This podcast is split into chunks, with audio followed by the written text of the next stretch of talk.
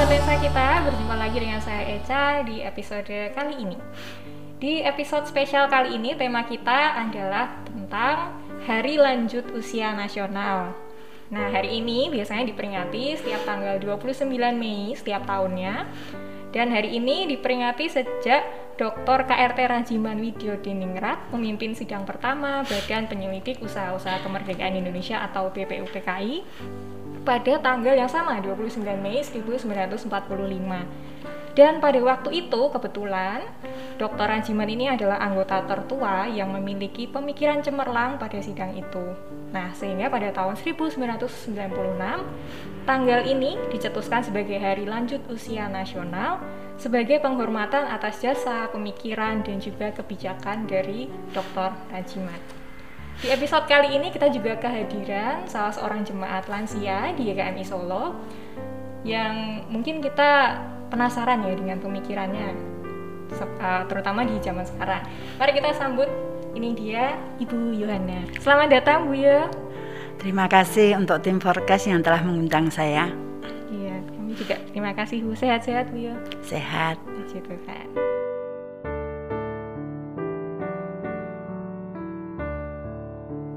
Tema di Hari Lanjut Usia Nasional di tahun ini adalah lanjut usia bahagia bersama keluarga. Jadi di mana orang tua, terutama ya di dalam keluarga ini, mereka dijadikan panutan bagi generasi-generasi penerusnya.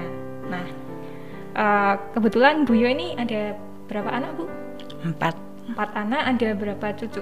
Lima. Ada lima cucu. Nah, uh, tema ini mungkin dirasa benar-benar cocok ya Bu untuk usia senja seperti Buyo di mana kebahagiaan yang mungkin paling utama di dalam kehidupan para lansia itu adalah kebahagiaan dalam keluarga ya Betul. terutama setelah hadirnya para cucu-cucu atau mungkin uh, bagi sahabat lensa kita yang lain kan sudah ada yang punya cicit ya Bu ya. itu mungkin kebahagiaan tersendiri bagi mereka nah kebetulan Bu saya tuh baru dengar ada hari spesial untuk lansia di Indonesia itu. Beliau sebelumnya sudah pernah dengar belum? Sudah. Oh sudah pernah. Sudah.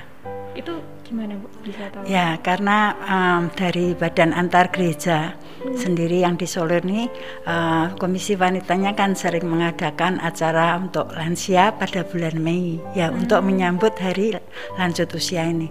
Hmm, okay. Berarti sebelumnya udah tahu ya bu ya? Sudah. Hmm. Karena sering terlibat juga di acara. Ya bagi Bu Yo hari lanjut usia nasional itu maknanya seperti apa Bu? Ya, kalau menurut saya makna dari hari lanjut usia adalah untuk menunjukkan peran dan ek, uh, eksistensi para lansia di tengah-tengah kehidupan bangsa Indonesia bahwa mereka bukanlah orang-orang yang tersingkir, orang-orang yang terlantar atau orang-orang yang tidak berguna, melainkan bahwa mereka adalah orang-orang yang masih memiliki potensi dan tetap bersemangat untuk membangun diri sehingga dapat menjadi berkat dan memberi manfaat kepada sesama. Hmm. Jadi lansia ini uh, istilahnya berarti tetap diberdayakan yeah. untuk melakukan segala kegiatan di masyarakat juga ya. Yeah. Kalau di gereja Bu, ada kebetulan di sini ada komisi senior ya Bu. Yeah itu bagaimana misalnya perannya tentang komisi senior? Ya, kami berusaha ya, berusaha untuk membangkitkan senior-senior ini supaya mau ber apa ya, berkarya hmm. di dalam kehidupan masa tua mereka. Jadi tidak hanya sekedar apa namanya uh, ngomong cucu dan juga mungkin uh, hanya bersantai di rumah dan sebagainya ya yang uh, merupakan mungkin pekerjaan yang sering dilakukan di masa tua. Tetapi kami ingin supaya mereka itu bangkit dan lebih lagi bisa uh, mengenal Tuhan lebih dalam, hmm. bisa memiliki pengetahuan yang benar hmm. nah, tentang keselamatan itu. Menurut Buyo peran penting para lanjut usia di Indonesia tuh? Ya tadi seperti yang Eza sudah sebutkan ya, hmm. peran pentingnya itu justru menjadi panutan, oh. nah, menjadi panutan bagi orang-orang di sekitarnya, ya sebagai orang-orang yang dituakan, ya, sudah selayaknya mereka memberi contoh, memberi teladan kepada angkatan yang ada di bawahnya, hmm. ya sehingga angkatan ini uh, bangkit dan bergerak maju bersama-sama dengan mereka para lansia untuk berjuang membangun negara ini di segala bidang hmm. baik itu di bidang politik, ekonomi, sosial, agama, hukum dan lain sebagainya. Dan di negara kita ini masih banyak di antara para lansia yang bisa menjadi teladan bagi kita. Hmm. Ya. Contohnya uh, kita lihat di si node kita GKMI saja. Di sana ada Bapak Yesaya Abdi yang dahulu menjadi ketua PIPK. Meskipun sekarang sudah tidak menjadi ketua, tetapi ternyata beliau masih aktif berkarya ya di dalam misi dengan berbagai kegiatan doa. Lalu juga Bapak Ian Takarya yang sekalipun sudah emeritus tetapi tetap bersedia menjadi caretaker gembala di GKMI Siloam Salatiga. Nah, keduanya itu bukan orang-orang yang suka diam di rumah ya, hmm. uh, hanya santai-santai menikmati hari tua, tetapi mereka pergi ya, bahkan pergi keluar kota, keluar pulau atau ke tempat-tempat lain uh, dengan semangat untuk apa? Melayani pekerjaan Tuhan. Hmm. Itu, aja. Tapi usia tidak menghalang semangat mereka untuk tetap melayani gitu ya.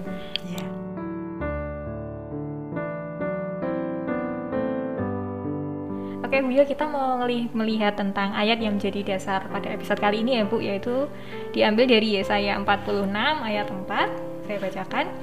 Sampai masa tuamu, aku tetap dia, dan sampai masa putih rambutmu, aku menggendong kamu. Aku telah melakukannya dan mau menanggung kamu terus. Aku mau memikul kamu dan menyelamatkan kamu. Nah, uh, melalui satu ayat ini ya Bu, kita dapat melihat tuh bahwa Yesus itu adalah seorang penolong yang setia, uh, terutama kepada para lansia. Bahkan Yesus itu janji untuk selalu menyertai sampai rambut itu menjadi putih. Nah, tanggapan hati Ibu Yohana tentang ayat ini tadi itu seperti apa, Bu? Ya, hanya bersyukur, bersyukur, dan bersyukur. Hmm. Mengapa? Sebab sesungguhnya kita ini adalah orang-orang berdosa walaupun kita sudah ditebus dan diselamatkan oleh darah Yesus tetapi karena kita ini terdiri dari darah dan daging dan masih hidup di dunia kita sering kali mundur dan goyang imannya kita sering kali jatuh bangun di dalam dosa tetapi kita beruntung karena kita mempunyai Yesus yang setia bahkan di dalam ayat tadi sudah dikatakan bahwa Yesus mau menggendong kita dia mau menanggung kita dia mau memikul kita yang sebenarnya tidak layak untuk menerima hal itu. Dan bahkan Yesus selalu siap sedia menolong kita di dalam situasi dan kondisi apa pun. Ya, di dalam kehidupan saya sendiri kalau saya merenungkan karya kebaikan Yesus itu benar-benar membuat saya sangat terharu dan terpesona. Ketika saya sedang terkuruk, suami meninggal dan mata menjadi buta Tuhan memberikan sebuah nyanyian baru di dalam mulut saya. Begini.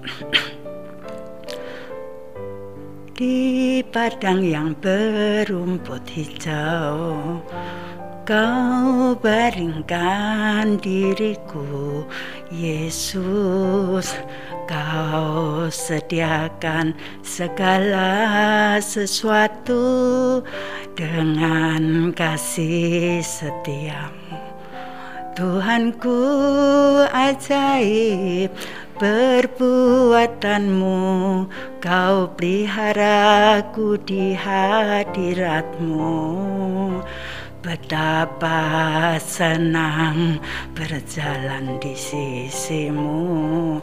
Dalam terang firmanmu Meski hidupku di lembah gelap dan kawanku pun tiada juga namun tangan kasihmu Yesus akan selalu menuntunku. Ya, dia bukan hanya menghibur hati saya yang sedang sedih, tetapi dia juga mengajar saya, dia juga menegur saya, dia juga memberikan hikmat sehingga saya dapat bangkit, hmm. sehingga saya dapat menerima diri saya sebagaimana adanya dan tetap hidup bersuka cita di dalam dia.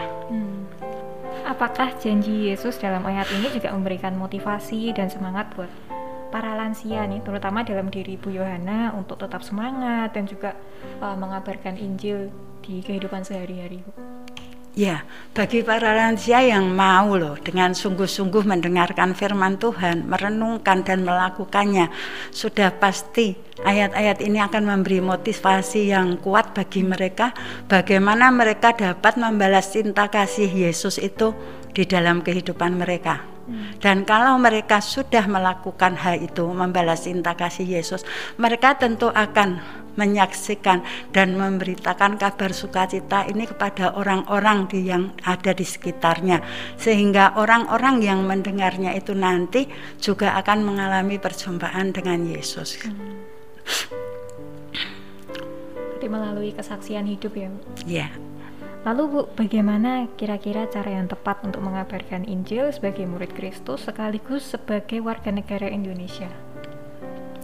Ya, kita memberitakan Injil itu bukan hanya dengan berkhotbah hmm. atau membaca ayat-ayat firman Tuhan, hmm. tetapi justru yang terpenting uh, uh, dari sikap hidup kita sehari-hari, hmm. di mana orang bisa melihat bahwa kehidupan Kristus itu ada di dalam diri kita ya jadi bukan sekedar kita itu hanya omong di mulut ceritanya seperti omong di mulut saja tetapi tidak bisa uh, ngelakoni kalau orang Jawa bilang dengan parian itu gajah di belangkoni ya hmm. pinter kojah neng ora iso nglakoni hmm. ya hmm. jangan kita seperti itu justru kalau kita mau bersaksi kepada orang uh, bersaksi dan memberitakan Injil kepada orang-orang lain, kita harus menunjukkan sikap hidup kita sebagai pengikut Kristus yang sejati. Bagaimana pengikut Kristus yang sejati itu tentu saja kita harus belajar dari firman Tuhan. Apa yang dikatakan firman Tuhan yang harus kita lakukan dan apa yang tidak.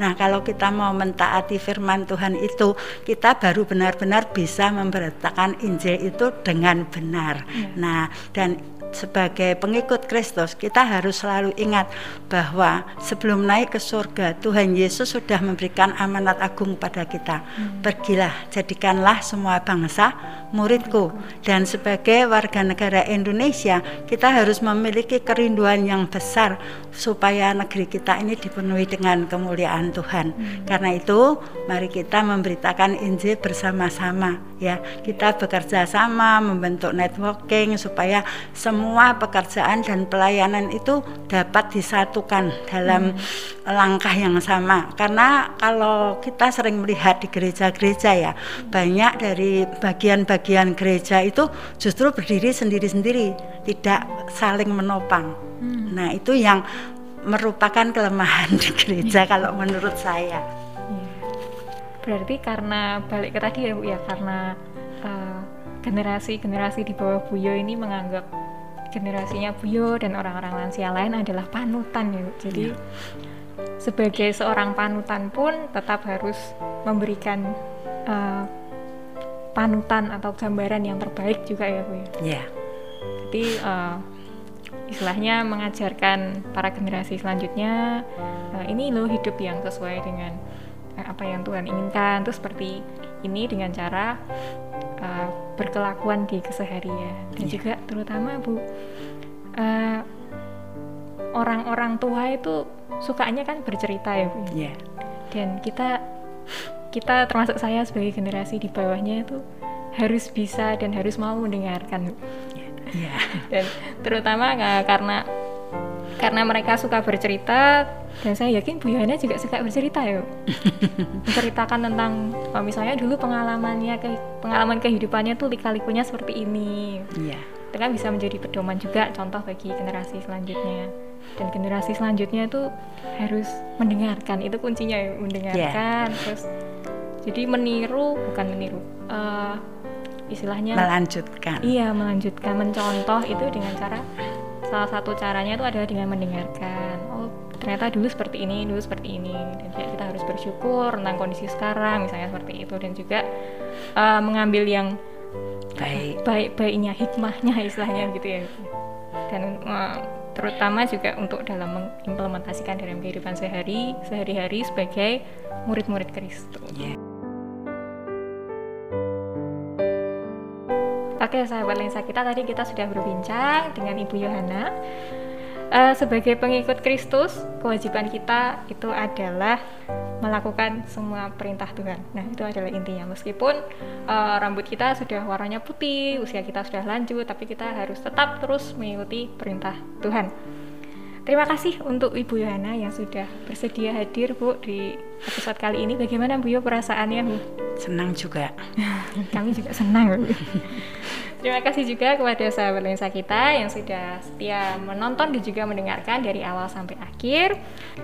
Tetap patuhi terus protokol kesehatan, pakai masker, selalu cuci tangan, menjaga jarak. Apalagi Bu Yo? Mengurangi mobilisasi, hmm. menjauhi kerumunan. Ya, setuju.